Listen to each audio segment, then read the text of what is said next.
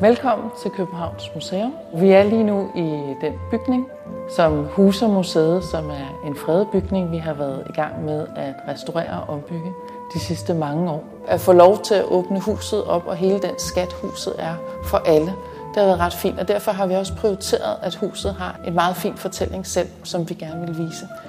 Når man arbejder som arkitekt i sådan et hus her, så handler det om at finde husets skatte og grave dem frem. Og nogle gange så handler det om at gøre meget, andre gange handler det om at gøre så lidt som muligt. At trække de lag fra, som er kommet til over årene, og som har sløret det hus, som stod her i 1894, funklende nyt.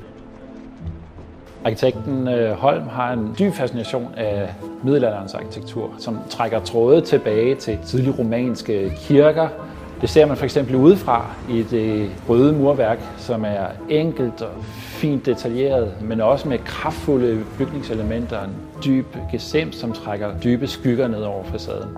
Man ser det også, når man træder ind i huset, det centrale trapperum og dets fantastiske rumlige kompleksitet.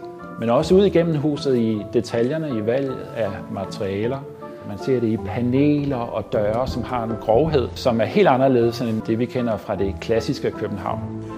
Holm han tegner på mange måder huset som et gesamtkunstværk. Han tegner alt fra det mindste til det største i huset, fra panelerne, fra dørskiltene til husets tekniske øh, ryggrad.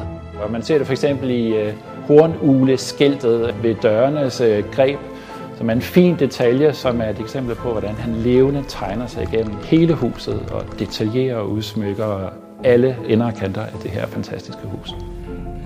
Huset er bygget som overformynderi. Det kan man blandt andet se i øh, de tre nøgler, som sidder flere forskellige steder i bygningen. Man har ligesom med de tre nøgler vist, at man har passet på de umyndige og bortblevnes penge, dem som overformynderiet passede på.